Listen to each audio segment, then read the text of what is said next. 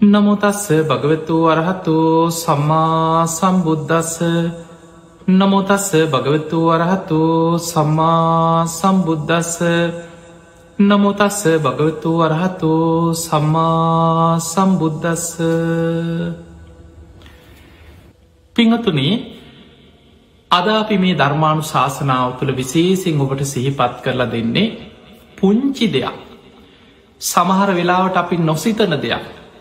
මහා සංසාරික වෛරයක් හැටියට සකස් වෙන ආකාරයක් ඒවෑ විපාක සසර පුරා කල්ප ගණන් සමහර වෙලාට බුද්ධාංකුර ගණන් සසරේ එහි විපා කරගෙන යන්න සිදුවෙන ආකාරයක්.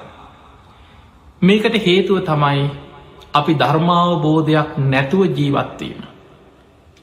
අපිට ඉවසීමක් නැති කරන. අපි ධර්මය තුළින් විමසා නොබැලීම.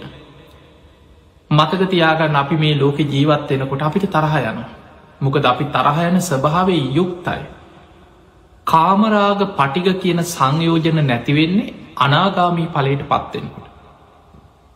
එතකම්ම අපේ හිත ඇතුළේ සංයෝජනයක් හැටියට බැසගත්ත අරමුණු එක ගැටෙන ස්වභාවේ පටිගය අපි තුළ තියෙනවා. සමහර වෙලාවට කෙනෙක් ඔබ දෙකෙනෙ දැකලා හිතෙන ප්ලගන යාටන තරහ යන්නෑ කිය. හැබැයි එයා තරහ පෙන්න්නන්නේ. හිත ඇතුළෙන් ගැටීමක් ඇති වෙන. ඒ සැනින් එයා ඉවසගෙන ඒක මතුවෙන්න ඉඩ නොදී හිත ඇතුළෙන් ඉවසගෙන ඉන්න. සමහරයි පුළුවන් සමහරයට පුළුවන් බුදු හාදුර උපමාවකට පෙන්වා දී ඇන්ද ඉරක් වගේ. පෙර සසරි භාවනා කරලා වීරිය වඩලා ඉවසීම ප්‍රගුණ කරගත්ත සංසාර පුරුදු ඇතියා ඉන්නවා. ඒ අයට තරහගියොත් කේන්තිගියොත් කවුරු හරි විහිළුවක් කරත් මොනොහරි කිව්වත් එතනින් මේ අතහරින තරහයන්න තුනෙම හිතට තරහක් කෙනවා. සමට කේන්තියක් කෙනවා. දුකක් ඇති වෙනවා. කල කිරීමක් එපාවීමක් ඇතින ඔක්කොම දවේශත් එක ගොඩනැගෙන දේවල්. හැබැයි ඒ සැනින් එයා කරගන්න දෙයාගෙනියයි. මංමොකට දනු නිසා පවපුරෝගන්න. ඒ මිනිස්සු කරන කර්ම ඒ මිනිස්සුමන කරගහගන්න ඒ වගේ හිතලා සැනින් අර හිතේ ඇතිවන දවේශය ප්‍රතික්‍රියාවක් හැටියට එක්ක වචනෙන් බනින්න හරි එක්ක ගහන්න හරි අතරහුවච්චි දෙයකින් දමල ගහන්න හරි ඒ මට්ටමට යන්න නැතුව. ඒ හිතට එන දවේශය සිතුවිල්ලකින්ම නවත්ත ගන්න. සමහරයගේ ඇස්දිහා බලපුහම් පේනොක් තරහගයා කිය. එක්ක මූනෙන් පේනවා. හැබැයි යෝ ඒක හිනා වෙලා සමරලාවට අමතක් කරලා සැනින් යටපත් කරගන්න. තව පුද්ගලයෝ ඉන්නවා. බුදුහාදුර උපමාවකට පෙන්නවා වැල්ල ඇන්ද ඉරක් වගේ. එදකොට මේ වැල්ලේ ඉරක් ඇඳපු කෙනා බුදුහාන්දුර පෙන්න්නන්නේ උපමාවක් දවස් දෙකක් තුනක් යනකොට ඒක මග හැරෙනවා. අර ඉර මැකිලෑන. ඒවගේ සමහරුට විහිළුවක් කරත් මොනොහරි කිව්වෝත් බැන්නොත් ඕක දවස් දෙක තුනක් යනකං හිතේ තියෙනවා. නිතර මතක් කෙන මෝ මට මෙහෙම කිව්වා. අසවලා මට මෙහෙම කිව්වා. මුං අපිට මෙහෙම කිව්වා. එහෙම හිත නෝක හිත හිතා දවසක් දෙකක් දැන් නිදාගන්න ගියත් මතක් කෙනවා කන්න බොන්න ගියත් මතක් කෙනවා පොතක් බැලුවත් මතක් කෙනවා හැබැයි සතියක් විතර යනකොට දවස් තුන හතරක් යනකොට ඒක හිතෙන් එහෙම අමතක වෙලා යන ආය මොකූත් නොවෙච්ච විදිහ සමයිට ඔබට බැනපු කෙනෙක් වෙන්න පුළුව ආයි හොඳට හිනා වෙලා අයියක්ක කියලා හොඳට කතා කරලා ඉන්නවා එක අමතක් කර එදකොට ඒ විදිහට දවස් තුන හතරකින් සතියකින් හරි ඒක අමතක කරන්න පුළුවන්න. ඔබට මේ ධර්මමාර්ගය තුළ ඔබේ දවේශය යටපත් කරගෙන ඉවසීම ප්‍රගුණ කරගෙන දියුණුව කරායන්න පුළුවන් කෙරෙ. ඒ අතර භයානක පිරිසක් ඉන්නවා ඒ තමයි පිංහතුනේ සමහර අය ගලේ කෙටු ඉර වගේ කියලා බුදු හාන්දුරුපෙන්න්න ඔබ දන්නවා ගලක ඉරක් හිටුවට පස්සේ ඔබ සෙල්ලිපි දැකල ඇතින. අවුරුදු සිය දහස් ගනම් සමහරලාවට ඔය යම් යම් කාබන් පරීක්ෂණ කරලා සමහර යක්සරවලට අනුව මේ බ්‍රාක්්මී අක්සර මේ අවුරුදු දෙදාහකට තුන්දාහකට කලින් ඒ මිනිස්සු භාවිතා කරපු අක්සර කියලා අද හොයා ගන්න. එතකොට අවුරුදු දාහ දෙදාහ තුන්දාහ ගියත් අර ගලේ කෙටු ඉර ඒ ලකුණු ඒ අක්ෂර ඒ විදිහට තියෙනවා. ඒ වගේ සමහරය හිතේ ස්වභාවි හොදට මතක තියාගෙන සමහර වෙලාවට ඒ මොහොතේ සබ්ද නැතුව ඉන්නවා. කේන්ති යනවා තරහ යනවා හරි හිටපංකුමන් දෙන්නම් කියලා එහෙම හිතලා මට අවස්ථාව ආපු ගමන් මම්මුන්ගෙන් පලිගන්නවා කියලා හිතනවා. එහෙම හිතල මුළු ජීවිත කාලෙම සැලසුම් කරනවා. සමහරලාවට ඒ වෙලේ බයවෙන්න පුළුවන්. තමන්ට වඩා තමන්ට විහිළු කරන කෙනා හරි බනින කෙනා තමන්ට හිංසා කරන කෙනා බලවත්නම්. ඒ බලවත්කම මත එයා ඒ වෙලා ඉවසනවා ඒක සැබෑ ඉවසීමක් නෙමේ. මේ ආදීනව දැකලා කර්ම කරම්පල මෙනෙහි කරලා ඉවසනවා නෙමේ. ඒ මොහොත ඉවසන්නෙම මං පස්සෙ පලිගන්නවා. මට අවස්ථාව ආපු ගමන් මම්මුන්ගෙන් පලිගන්න. මං කොහොමහරි සැලසුම් කරලා පලිගන්න. අන්න එහෙම හිතලා ඒ වෙලාවෙ සද්ධ නැතුව ඉන්නවා. හැම් ජීවිත කාලෙම සැලසුම් කරන ඒකම හිත හිතා ඉන්න. කවදහරි මම්මුගෙන් පලිගන්නවා කෙළ හිත හිතායින්න. බුදු හාදුර පෙන්නුවක් ගලේ කෙටු ඉද වගේ. ඒ වගේ පුද්ගලයන්ගේ සමහර වෛර සංසාර වෛර බවට පත්වෙනවා. ඒ ජීවිතෙන් අවසන් වෙන්න. සමයිට ආත්ම ගණන් සසර යනවා. ඔබොයි කාලි යක්ෂණී කතා වහල ඇති ආත්ම පන්සීයක සංසාර වෛරය. ඔය වගේ එක සිදුවීමක් තියෙනවා මුගලම් මහරහතන් වහන්සේ ලක්කන මහරහතන් වහන්සේ සමඟ ගිංජකෝට පරවතයෙන් පහලට බැහැගෙන එන්නකොට උන්වහන්සේලා පින්ඩ පාත යන්න ගිජ්ජකුට පරවතයේ නම් පහලට වැඩම කරන. එහෙම එනකොට එක තැනකදී මුගලම් මහරහතන් වහන්සේ දැක්ක අහසි පාවෙලා යන අමුතුම අමනුස්සෙක් මේ අමනුස්සයා විශාල පිඹුරෙක් වගේ ශරීරයක් තියෙන කෙනෙ. ධර්මය සඳහන්වෙන් භූත පිඹුරෙක් කියලා. මේ ඇත්ත පිබුරෙක් නෙමේ අමනුස්සේ භූතේ. මේ අමනුස්්‍යයාගේ ශරීර තියෙන විශාල පිඹුරේ යොදුන් දොළහක් දිග ශරීරයක් කිය. එතකොට ඔබ හිතන්න මුළු අහසේ කොච්චරත් දිග යොදුන් දොළහක් දිගයි. මේ පිඹුරගේ මේ භූත පිඹුරගේ හිසෙන් හටගන්නවා ගිනි ජාලා. මුළු ඇඟ දිගේම මේ ගිනි ජාලාව පිච්චීගෙන පිච්චීගෙන නැට්ට දක්වාම ගිනි ගන්නවා කිය. ඕ කෑ ගහනවා විලාප දෙනවා අහසේ පාවි පාවි යනු කෑගගහ ගිනි ගොඩක් එක්ක. දරණ ගහගන්නවා දිගෑ දෙනවා කෑග ගහ යනවා. එහෙම පිච්චිලා පිච්චිලා ගින්න අවසන් වෙනකොට ආයමත් අර කලින් විදිහටම ශරීරය පහලවෙන. නැට්ට පැත්තෙන් හටගන්නවා එක පාට ගිනි ජාලාව. හිස දක්වා ආපස්සට ගිනි අරගෙන පිච්චීගෙන පිච්චීගෙනෙනවා හිස පැත්තට. ඕක තමයි මේ අමනුස්්‍යයක් කර්ම විපාක ගෙවන හැටි. අහසි පාවි පාවි යනවා හිසෙන් හටගන්න ගිනි ජාලාවකින් නැට්ට දක්වාම පිච්චිලෑන ආයි ඒ විදියට පහළවෙන. ආයි නැට්ටෙන් හටගන්න ගෙනි ජාලාවකින් හිස දක්වාම පිච්චෙනවා ආයිත් පහළවෙන. මුගලම් මහරහතන් වහන්සේ බලාගෙන හිටියා පෙර සසරේ කරපු කර්ම විපාකයක් ගෙවන පුද්දුම විදි අකුසලයක් ගෙවන අමනුස්සෙක් මේ සත්ත ලෝකෙ නම් පුදුමයි කර්ම විෂය හරි පුදුමයි මේ සත්වයම් මේ විදිහට පෙරකරපු කරම විපාක නිසා විඳෝන හැටි කියලා උන්වහන්සේ බලාගෙන හිටිය. ලක්කන මහරහතන් වහන්සේත් බැලුව උඩ බැලුව වටපිට බැලුව මුගලන් හාමුදුරු බලන පැත්ත බලාගෙන හිට අනේ උන්වහන්සට පේන්නේ. උන්වහන්සේ රහත් හැබැයි දිවැස් නුවන නෑ. මතක තියාගන්න රහතන් වහන්සේලා හැමෝටම දිවැස් නුවන පහළ වෙලා තිබුන්නෑ. පඤ්ඥා විමුක්ත රහතන් වහන්සේලා කියල මේ බුද්ධ ශාසනය හඳුන්නනවා. විදර්ශනාවෙන් හිත වඩල ප්‍රඥාව දියුණු කරලා විමුක්තියට පත්වෙච්ච ප්‍රඥා විමුක්ත මහරහතන් වහන්සේලයින්න. ඒ අයට පෙරජීවිත දකින නුවන සමාට කෙනෙක් මැරුණට පස්සේ උපදිනහාකාර චුතෝපාතඥානය දිබ්බ චක්කු දිබ්බ සෝත පරචිත්ත විජානන ඉරදි විධඥානය මොකුත් නෑ. ඒ රහතන් වහන්සේලා තුළ පිහිටන්නේ ආසවක්කේ ඥානය.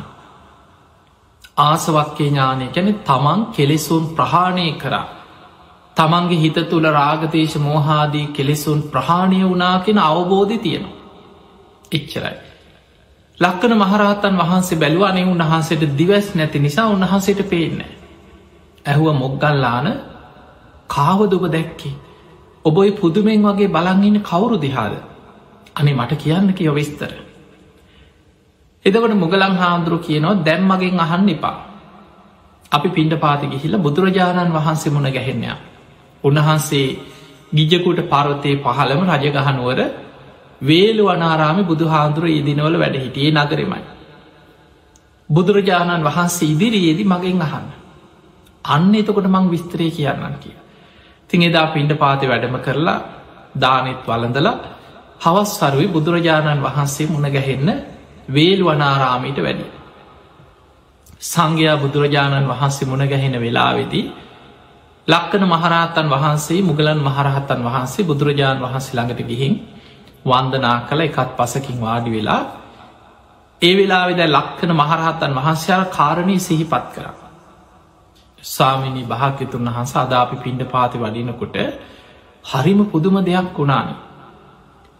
මේ මොක්ගල්ලාන පුදුමෙන් වගේ අහස දිහා බලන් හිටිය. කවුරු හෝ දෙයක් දැකලා.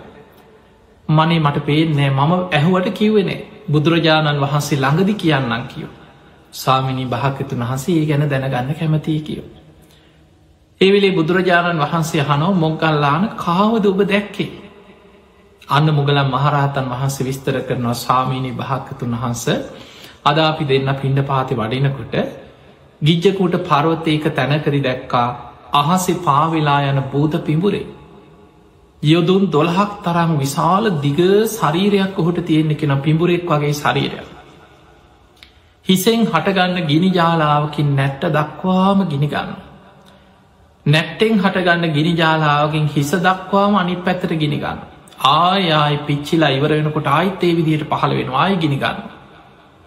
බුදුරජාණන් වහන්සේ වදාළ මොග්ගල්ලාන ඔය අමනුස්්‍යය ඔයිට කලින් මන් දැක්ක කියව. හැබැයි මට සාකිකාරයෙක් එදා හිටිය නෑ. ඒ නිසාමම් මේ දක්වා කාටවත් ඔය විස්තරේ කීවෙ නෑක. එනම් අපිට පේනවා. බුදුරජාණන් වහන්සේ පවා බොහෝ වෙලාවට යම් ධර්ම කරුණු දේශනා කරද්දී. යම් දේවල් බුදුරජාණන් වහන්සේ පමණක්ම දැක්කක්. ඒ දේවල් සාකිකාරය කිටිය නැත්නං බුදුරජාණන් වහන්සේ අවස්ථාව එනත්තෙක් ඒ ගැන දේශනා නොකර හිටපු අවස්ථාතිය. ඒකට හේතුව තමයි බුදු කෙනෙක් යමක් දේශනා කරද්දි. යමෙකුට සැකයක් ඇති වෙනවා ඔහොමත් සත්තු ඉන්න පුළුවන්ද. ඕක බොරුවක් වෙන්න බැයි ඔහොම හිතනයි අදත් ඉන්නවන කවුද දැක්කේ කොහොම දෝක ඔප්පු කරන්නේ. ඕක විද්‍යාවෙන් ඔප්පු කරලති ඔය වගේ රටේ නැති ඒවා තමන්ගේ හිතට එනවා. ඒ ඇවිල්ල බුදුරජාණන් වහන්සේගේ බුද්ධ වචනය සැක කරන. බුදුරජාණන් වහන්සේ වදාලා යම් කෙනෙක් බුදු කෙනෙක් දේශනා කරන දෙයක් සැකකරොත් ඒ කෙනාට බොහෝ කාලයක් අහිත පිණිස දුක පිණිස ඒක හේතුවක් වෙනවා. ඒ නිසා මට සාකිකාරයෙක් නැති නිසා එදාමං ඒ ගැන විස්තර කරන්න ගිය නෑකිව කාටවත්. නමුත් අද සාක්කිකාරයෙක්කින්න. කවුදේ. මුගලම් මහරහත්තන් වහන්සේ උන්වහන්සේත් ඒ සත්‍යය ඒ විදිහටම දැකල. තතාගතයන් වහන්සේ ඔහුගේ අතීත කතාව දේශනා කරනවා කියල ඔන්න ඔහු ගැන විස්තරේ බුදුරජාණන් වහන්සේ දේශනා කර. ඔන්න බලන්න මේ කතාව හැටි. මීට පෙර කාශ්‍යප බුදුහාන්දුරන්ගේ කාලයකැන අපේ බුදුහාන්දුරන්ට කලින් පහළ වනේ කාශ්‍යප බුදුරජාණන් වහන්සේ. කකු සඳ කෝනාගමන කාශ්‍යප. මේ මහා බඩ්ඩ කල්පේ තුන්වැනි බුදු හාමුදුරුව හැටියට පහළ වෙන්න කාශ්‍ය බුදුරජාණන් වහන්සේ. ඒ කාලේ සුමංගල කියලා සිටුවරේ අපේ බුද්ධ ශාසනය ඔය අනාත පින්ඩික සිටුතුමා වගේ බොහෝම සද්ධාවෙන් පෙරුම් පුරාගෙනාපු බුදු හාමුදුරුවන්ටම ආරාමයක් කරලා පූජ කරන්න ඕනෑ කියලා පෙරුම් පුරාගෙනාපු කෙනෙක් සුමංගල සිටුවර. මේ සිටුවරයා තමන්ගේ ධනය වියදං කරලා ආරාමයක් හදල බුද්ධ ප්‍රමුඛ සංඝයාට පූජා කර. අංග සම්පූර්ණ ආරාමයක් හැදුව. බුදුරජාණන් වහන්සේට වැඩඉන්න සඳුන් ලීයෙන් කුටියක් හැදුව. හදල බොහෝම ලස්සනට මේ ආරාමි සකස් කළ බුද්ධ ප්‍රමුඛ සංඝයාට පූජ කර. බුදුහාමුදුරුව මේ ආරාමි කුටිය වැඩයි. සුමංගල සිටුවරයා දවසට තුන් වතාවක් මේ කුටිය වතාවත් කරන්න යනවා කියෙන. ඒ ගිහිල්ල සමාට බුදු හාන්දුරන්ට කරදර කරන අනෙමේ ඔහු ගෙහිල්ලක් කුටිය වටේ තියෙන කොළ ඇහිදිනවා. කුටිය වටේ අතු ගාලනවා. වටේ සුද්ධ කරලද බලන ආරාම භූමී කුණු තියෙනවා නගේ වයිවත් කරනවා. කුටිය වටේ අඩුගාන ප්‍රදක්ෂිනා කරලා කුටියට වන්දනා කරල බුදුගුණ සිහි කරල ආපහු වෙනවා. දවසට තුන් අතාවක් යන. යනකොට සමාර දවසට සේවකයොත් එක්කරගෙන යන. මහා දනවත් සිටුවරේ. දවසක් මහ දහවල් කාලේ මේ කුටිය වතාවත් කරන්න සේවකයෝ කීප දෙනෙකුත් එක්ක යනකොට දැක්කා නගරි ප්‍රධාන දොරටුව ළඟ මනුස්සෙක් ඔළුවේ ඉඳං වහගෙන ගොරෝගොරෝ නිදි. මේ දවල් කාලෙ ඔළුවේ ඉනම් පොරෝගෙන ඔළුව වහගෙන නිදාගෙන එතනින් යනගමන් සුමංගල සිටුවරය නතර වෙලාර සේවකයෝ එක කියනවා බලාපංකු මේ මහ දවාලි මේ මනුස්්‍යය මේ තාම නිදි නෙවෙයි ගොරෝගොරෝ ඔයනං එකත් එකටම රෑතිස්සේ ඇවිදින දවල් නිදියන මනුස්සෙක් වෙන්න ඇති කියව. ඔන්න කියපු කතා. රෑතිස්සේ ඇවිදින දවල් නිදියන කෙනෙක් වෙන්න ඇති මේ කිව්. පිංහතුන ඒ කාලෙ හොරු රෑතිස්සේ ඇවිදින හොරකම යන්නේ රෑට ගෙවල් බිඳින්න බඩු හොරකං කරන්න රෑතිසේ හොරකම යනවා දවල්ට අඳුන ගනී කියල ඔළුව අහගෙන් නිදාගන්න මේත් ඒ ජාතිය හොරෙක් රෑතිස්සේ ගෙවල්වල හොරකම යනවා දවල්ට නිදාගන්න එතකොට සුමංගල සිටුවරය දැම් මෙතනින් යන ගමන් පුද්ගලයාගේ මූුණ දැක්කෙත් නෑ කතා කරෙත් නෑ මේ වෙන තරහකුත් නෑ අර සේවක එක්ක යන ගමන් කිව් එකම දෙයයි බලාපල්ලක මේ මනුස්්‍යය මේ මහදවාලි තාම නිදී. මේ නං එකත් එකටම රෑතිස්සේ ඇවිදින දවල් නිදියන කෙනෙක් වෙන්න ඇති කියව. ඒ කියද්දිම අර පුද්ගලයට ඇහුුණා කේන්තියක් ආව හිතට. මොකාද මං ගැන එහෙම කීව කියලා බැලුව. බලනකොට අර ඔළුව වහගෙන ඉන්න එකින් පොඩ්ඩක් ඇහැදාල බැලුව බලනකොට අඳුනගත්ත සුමංගල සිටුවරය. සේවකයෝ පිරිසක් එක්ක ඉන්නේ. දැන් හිතේ තියාගත්ත හරි බො මට මෙහෙම කිව්වන කියලා දැන් කේන්තියක් හිතටාව. දැන් ඔබ හිතන්න සුමංගල සිටුවරය ඔහුට ගැහුවද නිදාගෙනන්න පුද්ගලයට අඩුගාන මොනවාහරි ළඟ තියෙන වැලිය හවුරක් හරි ගලකින් හරි ගැහුවද නැකිට්ටවන් නැකිට පංකේ ලදර දැම්මද අඩුගාන මිනිස් ඔබ දැකල සමහරු විහිලුවට වතුර ගහනවා. ඔහු නිදාගෙන ඉන්න කෙනාට වතුර ගැහුවද ඒ මොකොවත් නෑ. එකම දෙයයි කියාගෙන ගිය මේ පුද්ගලයා මේ රෑතිස්සේ ඇවිදින දවල් නිදියන කෙනෙක් වෙන්න ඇති. ඔන්න සිතුවිල්ල නිමිත්තට. මනුස්සේකුට දවේශයක් ඇතිවෙන්න මහාලොකු දෙයක් ඕන්නෑ. පුංචි දෙයක් ඇති පොඩි නිමිත්තයක්. ඒක තමයි මේ භයානක සංසාරගත අකුසල සහගත විඤ්ඥානි තියෙන භයානකකම. රාග දවේශ මෝහ කියන කෙලෙස්වල තියෙන භයානකකම පුංචි නිමිත්තක් ඇති. අර නිමිත්ත හිතට ගත්තා. දැන් ඕක පුපුර දැන් ඔළුව වහගෙන සිටුවරයාගේ පාඩුවේ යන ගමන ගියා ඔහුවර කුටිය වතාවත් කරන්න යන ගම. දැන් මොහ ඔළුව ඉදම් පොරෝගෙන කල්පනා කරනවා දෙන්නම් මූට වැඩේ. මේක මට මෙහෙම කීවා. දැන් ඔන්න හිතලා හිතලා පහුවදා මොකද කරේ සුමංගල සිටුවරය ගැන හොයලා බැලුව කවුද මේ කොහෙද ඉන්නේ මොනවද මෙයාට තියෙන්නේ විස්තර හෙව්වා. හොයලා සිටුවරයාගේ හේනකට ගිහිල්ල රෑ ගිනි තිබ්බ. හොරක මේ ගිහින් එන ගමන් හේනක් ගිනි තියලගිය. සිටුවරයට උදේ ආරංචි වුණා කවුදෝ කෙනෙක් හේන ගිනි තියලා. සිටුවරයා ගිහිල්ල බැලුව විශාල ප්‍රමාණයක් හේන ගිනි තියලා. අනේ කවුරු හරි පවකාරයෙක් ඔහු කරගන්න දේ ඔහු ගෙනියයි කියවා. ඕක ගණන් ගන්න පව්වාද නැතිවෙන්නේ ඕක තමයි ලෝක ස්භාවය කියලා සුමංගල සිටුවරයා බුදු හාන්දුරන්ගෙන් බණහන කෙනෙ කාශිප බුදු හාන්දුරන්ගේ දායකය. බොහොම සද්ධාවෙන් ආරාමයක් කළ පූජ කරපු කෙනා. ඔහු ගැටෙන්න්න ගේ නෑ ඔහු කරගන්න දෙයක් ඔහු ගෙනියයි කියලා හිතෙන් අතහැරිය. දැන් බැලුවා විමසල බැලුවා සිටුවරයට එච්චර එක දැනිල නෑ. හිට පංකො කියලා දෙවනි දවස සිටුවරයට අයිති තවත් හේනක් ගිනිති බයිළඟ දවසේ. එදස් සිටුවරය සේවකයොත් එක ගිහිල්ල බැලුව හේන ගෙන තියලා අනේ අපරාධ මෙච්චර මොදට වැවිච්ච හේනක් ඒ මනුස්්‍ය කරගන්න දේ මනුස්්‍ය ගෙනියන්න ඇත මේක කවුරු හරි පව්කාරයකි වැඩක් කියලා හිතෙන් අතහැරියච්චර. බැලුව විමසංකර විමසිලි කරලා විපරං කරලා ඒකත් නිකන් නෑ වගේ හරියට දැනිල නෑ ආයි දවසක් හොඳට බලලා සිටුවරයට අයිති තවත් හේනක් ඉනි ඔය විදිහට පස් වතාවක් සිටුවරයාගේ හේන් ගිනි තිබ්බ. ඒ හේන් ගිනි තිබ්බට වැඩේ හරියට දැනෙන් නෑ වගේ. ඊට පස්සේ කල්පනා කරා කොහෝම හරි සිටුවරයට දැනෙන විදිහට පලිගන්න ඕන. එහෙම හිතල සිටුවරයාගේ රාට්‍රී ගව පට්ටියක් තියෙනවා. මේ ගව පට්ටියට රෑ ආයුධයක් කරගෙන පැන්න. පැනලර අහිංසක ගවයෝ කීප දෙනෙක කකුල් කපල පියෙන් ඇල්ල ගිය කීප දෙනෙකුට. උදේ පාන්දර ආරංචි වුනානේ සිටුවරයාගේ අර ගව පට්ටිය ඉන්න ගවයෝ කීප දෙනෙගේ කකුල් කපල ආවිදයකි. ගවයන්ගේ කකුල්ලොට පිහියෙන් ඇනල. ඉක්මට ඇවිල්ල බැලුව සිටුවරය අයෝ මේ කරලා තියෙන අකුසලේ.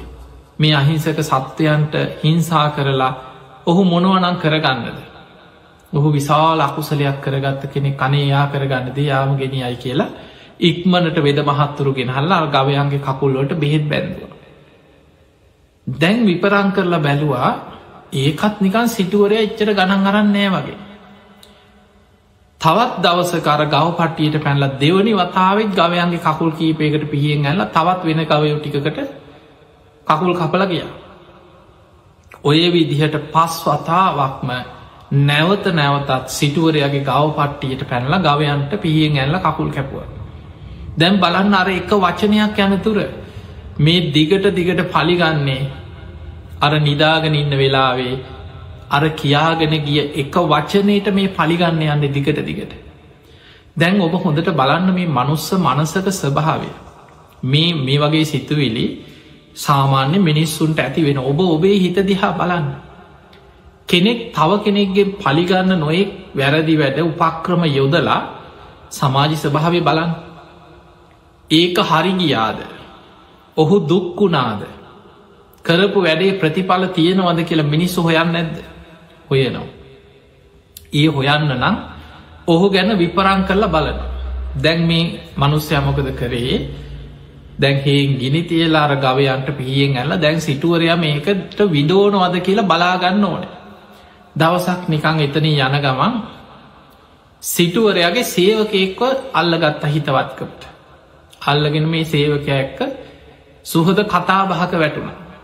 ඒ කතා බහ වැටිච්ච ගමන් නිකන් කියන ඒ බං උබලගේ සිටුවරයට හරි කරදරරුණේ ඔය සිටුවරයාගේ හේනක් ගිනිගත්තලන කීප සැරයක් ඔය සිටුවරයාගේ ගව පට්ටිය ගවයන්ටත් කවද පියෙන් ඇන්ල කකුල් කපලන්නේ උඹලගේ සිටුවරයට ඔ ගානක් නැත්දානේ කියලා ඇහවා. දැම් මේ විස්තරේ දැනගන්න. මේ අහන්නේ කරපු කෙනාමයි. එතකොට අර සේවකයක් කිවනේ අපේ සිටුවරයට ඕ අයිතින් ලොකු දේවල් නෙමේ කියවා අපේ සිටුවරයාගේ හිත තියෙන්නේ බුද්ධ ප්‍රමුඛ සංඝයාට හදල පූජ කරපු ආරාමි ගැනමයිකි. අන්න ගිහිල්ල දැනුත් සේවකයො එක ගිහිල්ල කුටිය වතාවත් කරන්න. දවසට දෙතුන් අතාවක් යනෝක ඔය කුටිය බුදු හාමුදුරු වැඩ හිටිය හෝ නැතාහෝ ඒ කුටිය වතාවත් කරන්න යනවා. අපේ සිටුවරය මහ පින්වන්ත කෙනෙක් කියෝ. දැන් මේක කියනකොටම හිතටාව හරි සිටුවරයට රිද්දන්න නං කරන්නම් හොඳ වැඩක් කියල හිතුව දැන් හිතටාව බලන්න පව්කාර අර සිතුවිල්ලක් යන දුර බුදුහාමුදුරු වැඩඉන්න කුටියට නං ආදරයේ හිතවත්කම තුන් වතාවක් කුටිය වතාවත් කරන්න නං යන්නේ සිටුවරයාගෙන් පලිගන්න නං කුටියට අනතුරක් කරන්න ඕන කියල හිතු. දැන් හිතලා විස්තර හොයනවා. කවුද වැඩඉන්නේ බුදුහාමුදුරු ඉන්නවද නැද්ද? ආරාමෙන් පිට වැඩම කරලද? කොයි වෙලාවද සුදුසු විස්තර හොයනකොට ආරංචි වුණා? ඊළඟ වස්කාලි බුද්ධ ප්‍රමුඛ සංඝයා චාරිකාවක පිටත්වෙන වස් අවසන් වෙලා. බුදු හාන්දුරුව වස් අවසන් වෙච්ච ගමන් වස් පවාරණය කරලා සංඝයා සමඟ දීර්ඝ චාරිකා ගමන් වඩින. ඒ මගතට හම්බෙන අයටත් දහම් දෙසමින් යොදුම් ගණන් වඩිනවා. දැන් බුද්ධ ප්‍රමුඛ සංඝයායිදා පිටත් වෙච්ච දවස බොහෝ දුරක් පිටත් වුණු. ආරාමි කවුරුත් නැති වෙනකං ඉඳලා මහරාත්‍රී මේ පවකාරයා ආරාම භූමියයට ඇවිල්ලා බුදුරජාණන් වහන්සේ වැඩ හිටිය කුටියට ගිනි තිබ්බා. ඔන්න බලන්න ඒ කාලෙත් දවේශය දැම් මේ අහක යන ප්‍රශ්නයක්. අර නිදාගෙන හිටපු පුද්ගලයකුට විහිළුවක් කරපු එක නිකං විහිළු කරත් නෙවෙයිනේ. කියාගෙන ගිය මේ පුද්ගලයනන් රෑතිස්සේ ඇවිදින දවල් නිදියන මනුස්සේ. බලාපංකෝ ලුවයින්න වහගෙන දවල්ට නිදින කීව. ඔය වච්චනටමේ බුදු හාන්දුර වැඩ හිටිය කුටියට ගිනි තියල රෑ පැන්න. බුදු හාන්දුරු ඉදා චාරිකාව සංඝයක්ක වැඩම කරපු දවසා උදේ පාන්දර සේවකයෝ දුවගෙන දුවගෙන ඇවිල්ලකි වනේ සිටුතුමනී සිටුතුමනි අන්න බුද්ධ ප්‍රමුඛ සංඝයා වැඩහිටි ආරාමී බුදුහාන්දුරන්ගේ සුගන්ධ කුටියට කෙනෙක් ගිනි තියලකිව පවකාරය. සිටතුමා ඒ වෙලාවේ එතන්ට දුවගෙන දුවගෙන ගිය. යනකොට විශාල පිරිසක් පිරිලා ඇත.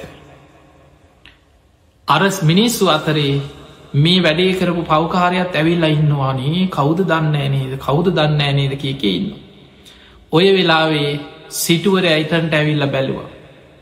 කුටිය වටේ ඇවිද්දා. කුටිය දිහා බලාගෙන ඉඳලා හිතට ආවා සිතුවිල්ලක් පුුණ්්‍ය සහගත සිතුවිල්ලා. මහා හඩින් ඒ දිහා බලාගෙන සාධු කාරයක් තුන්න සාධු සාධු සාධු කියල ඒ සිතුවිල්ල තුළ ඒ පින හිතෙන් මවාගෙන අනුමෝදන් වුණ. වටේ හිටපු මිනිස්සුන්ට පුදුමයි මේ සිටුවරයා ගැන. ළඟට ඇවිල් ඇහුව මේ සිටුවරේ මොකද මේ. ඔබේ ඔළුවත් හොඳ නැද්ද කෙ ලැහවා. ඔබ නේද මේ ආරාමි සඟ සතු කළ පූජ කරේ. ඔබ නේද මේ කුටිය හැදුවේ. ඔබ කොච්චර සද්ධාවෙන් බුද්ධ ප්‍රමුඛ බුදු හාමුදුරු වැඩහිටිය කුටියේ. දවසට තුන් වතාවක් ඇවිල්ලා කුටිය උපස්ථාන කරලා මේ කුටිය සුද්ධ පවිත්‍ර කරලා වත කරනවාද. දැන් ඔබ පූජා කරපු කුටිය කවුද ගිනි තියලා. විනාස කරලා. කුටියම ගින්නෙන් ඇවිලිලා දැන් ඔබ මේ සාධකාරදීල සතුටු වෙන්නේ ඇයි කෙලැහු. ඔන්න බලන්න ආරයන් වහන්සේල් මේ ධර්ම මාර්ගය වඩන අය ආර්ය මාර්ගය වඩන කෙනෙක් පින් ඇති කෙනෙක් බෝධි සත්තුරු සත්සර පාරමී පුරණ අය හිතන ක්‍රමේ මේ සිතුවිල්ලයි වෙනස් කරගන්නවා. සුමංගල සිටුවරයක් කියනවා පින්වත ඔබ කියපු කතාව ඇත්ත කිය. මේ ආරාමි බුද්ධ ප්‍රමුඛ සංඝයාට පූජා කරේ මම. මේ කුටිය බුදුහාමුදුරුව වෙනුවෙන් සකස් කරලා බොහෝම ගෞරුවෙන් පූජා කරේ මම. එදා ඒ පින මන් රැස් කරගත්ත මට මහා පිනක් රැස් වුනා බුදු කෙනෙකුට කුටියක් සකස් කරලා පූජා කරල. බුදුහාන්දුරුව මගේ කුටිය බොහෝ කාලයක් වැඩ හිටිය. මං කුටිය වතාවත් කරා මට ඒ පින් රැස් වුණ. නමුත් කවුදෝ කෙනෙක් මේ කුටියට ගිනි තියලා. දැම්මට තවත් වතාවක් මෙතනම බුදුහාමුදුරුව වෙනුවෙන් කුටියක් හදල පූජා කරගන්න වාසනාව ලැබෙනවා. මං ඒ තිබිච්ච කුටියටත් වඩා ලස්සනට බුදුහාමුදුරුව වෙනුවෙන් සුගන්ධ කුටියක් මේ භූමියයේ බුදුහාමුදුරුව වඩින්න පෙර ඉදි කරනවා. තතාගතයන් වහන්සේ චාරිකා ගමන අවසන් කරලා පහු වඩිනකොට මේ භූමිය මං මීටත් වඩා හොඳ කුටියක් හදනවා. මට දෙවතාවක්ම බුදු කෙනෙක් වෙනුවෙන් කුටියක් හදලා බුදුහාමුදුරුවන්ට පූජා කරන්න වාසනාව ලැබුණ මන් දෙපාරක් පින් කරගන්නවා කියල සාධකාර දුන්න.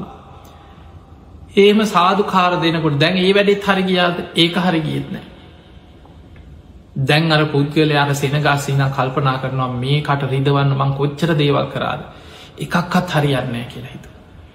දැන් කේ දැම් වෛරය හිතට ආවට පස්සේ පලිගන්න අන්තිමට හිතුවා සිටුවරයාගෙන් පලිගන්න ඔය බාහිර දේවල් භෞතික දේවල් ගිනි තියල හරියන්නේ මූට මනතුරක් කරන්න ඕන කියලා ආයුධයක් මුවහත් කරගෙන ඉනේ ගහගෙන දැන් ඇවිදිනවා සිටුවරයක් තනිවෙන වෙලාව බලල පිහියකින් අයි. ඔහොම කැරකි කැරකි කාලි ගත වුණ. සිටුවරයා සේවකයෝ පිරිවරාගෙන ඇවිල්ලා ඉක්මනින් මාස කීපයක් ඇතුළත ඒ කුටිය තිබ්බ තැන තිබ්බටත් වැඩිය හිතාගන්න බැරි තරන් ලස්සන සුගන්ධ කුටියක් බුදු හාන්දුරුව වෙනුවෙන් කරලා අවසන් කර. කුටිය හදල අවසන් කරලා ඒ භූමියයේ මෙහෙම දෙයක් වුණාද කියලා හොයන්න බැරිවෙන විදිහට ලස්සන කුටියක් හැද.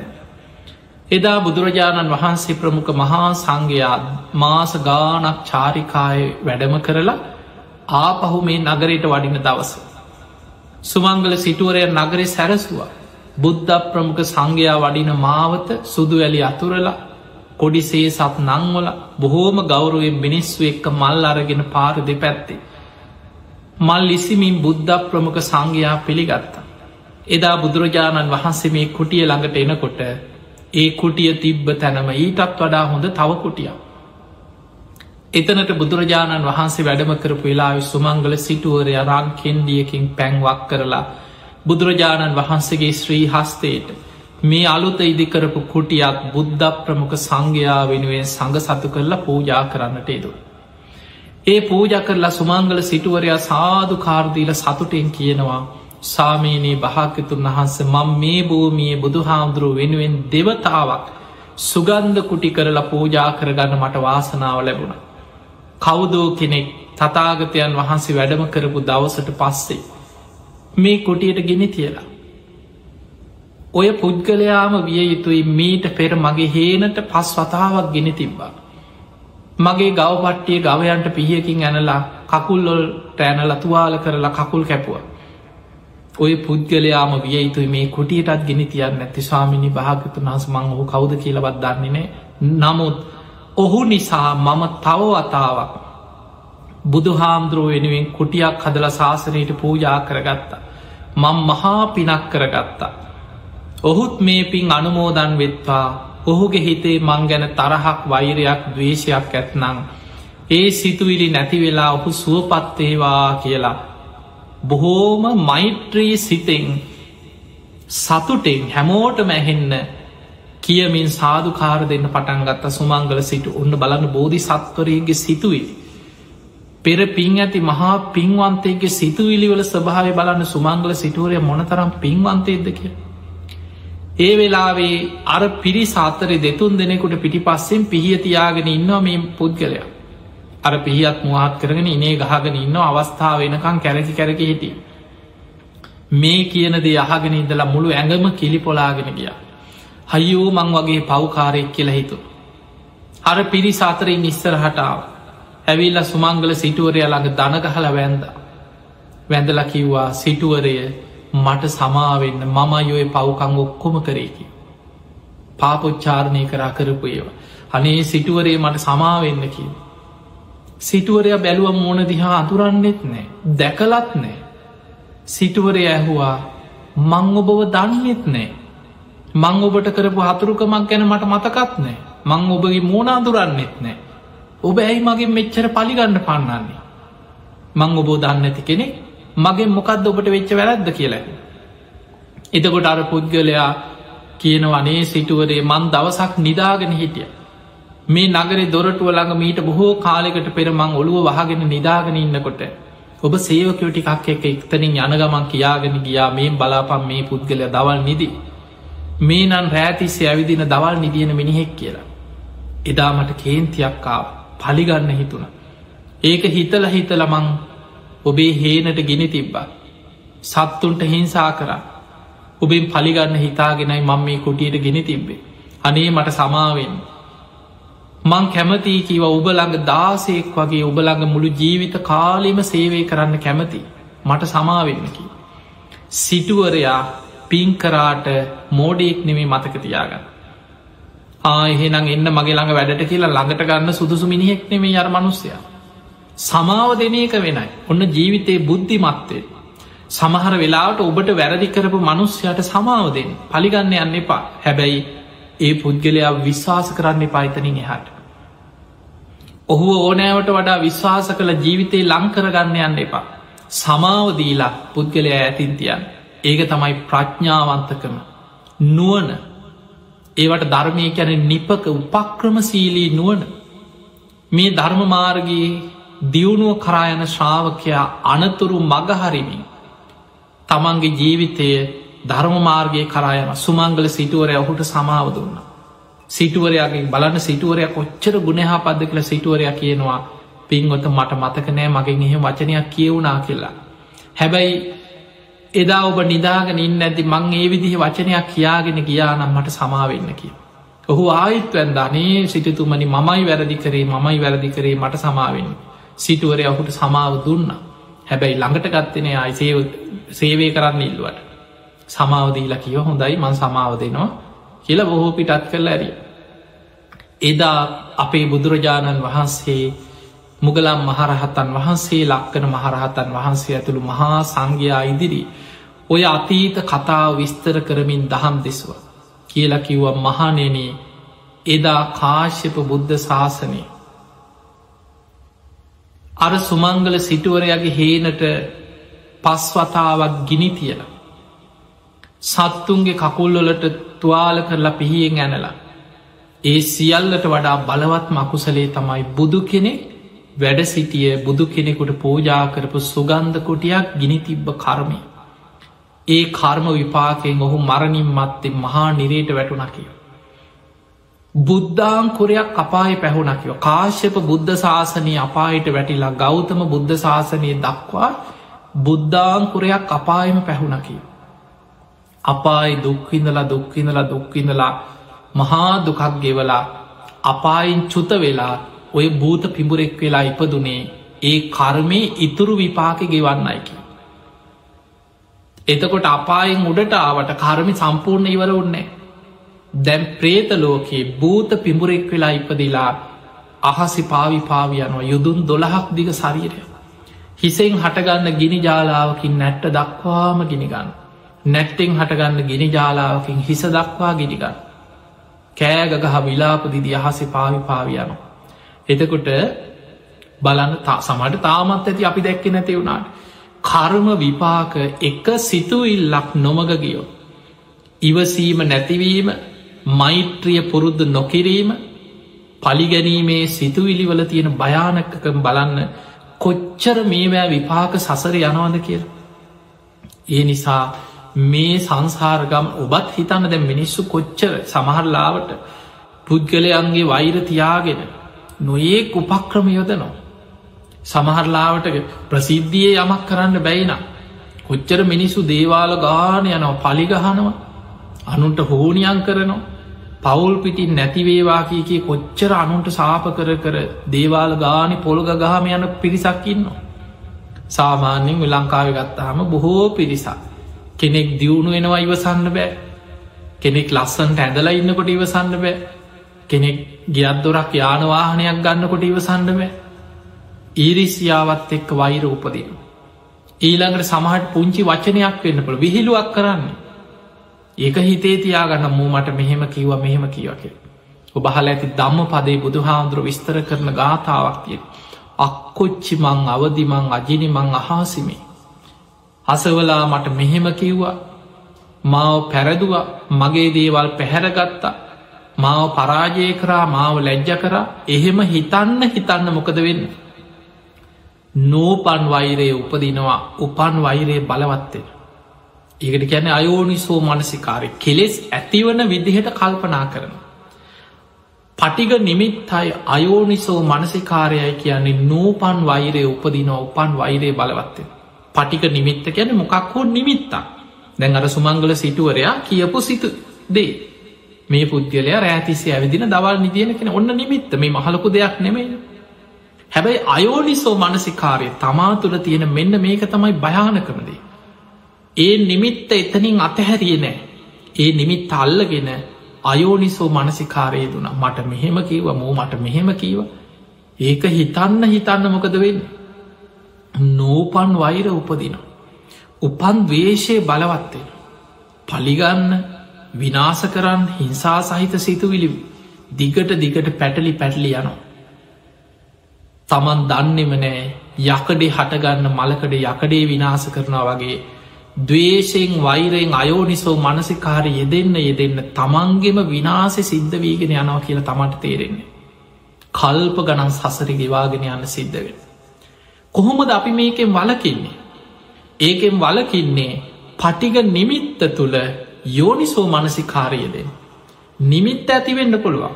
නිමිත්ත කියන් මක්හරි සිදුවීමක් ඇහෙන් දැකපු දෙයක් කනින් අහපු දෙයක් නාසීට දැනිච්ච දෙයක් දිවට දැනිච්ච කයිට දැනිච්ච හිතෙන් හිතල ගොඩනගා ගත්ත දෙයක්. ඔය විදිහට තමයි නිමිති හටගන්න.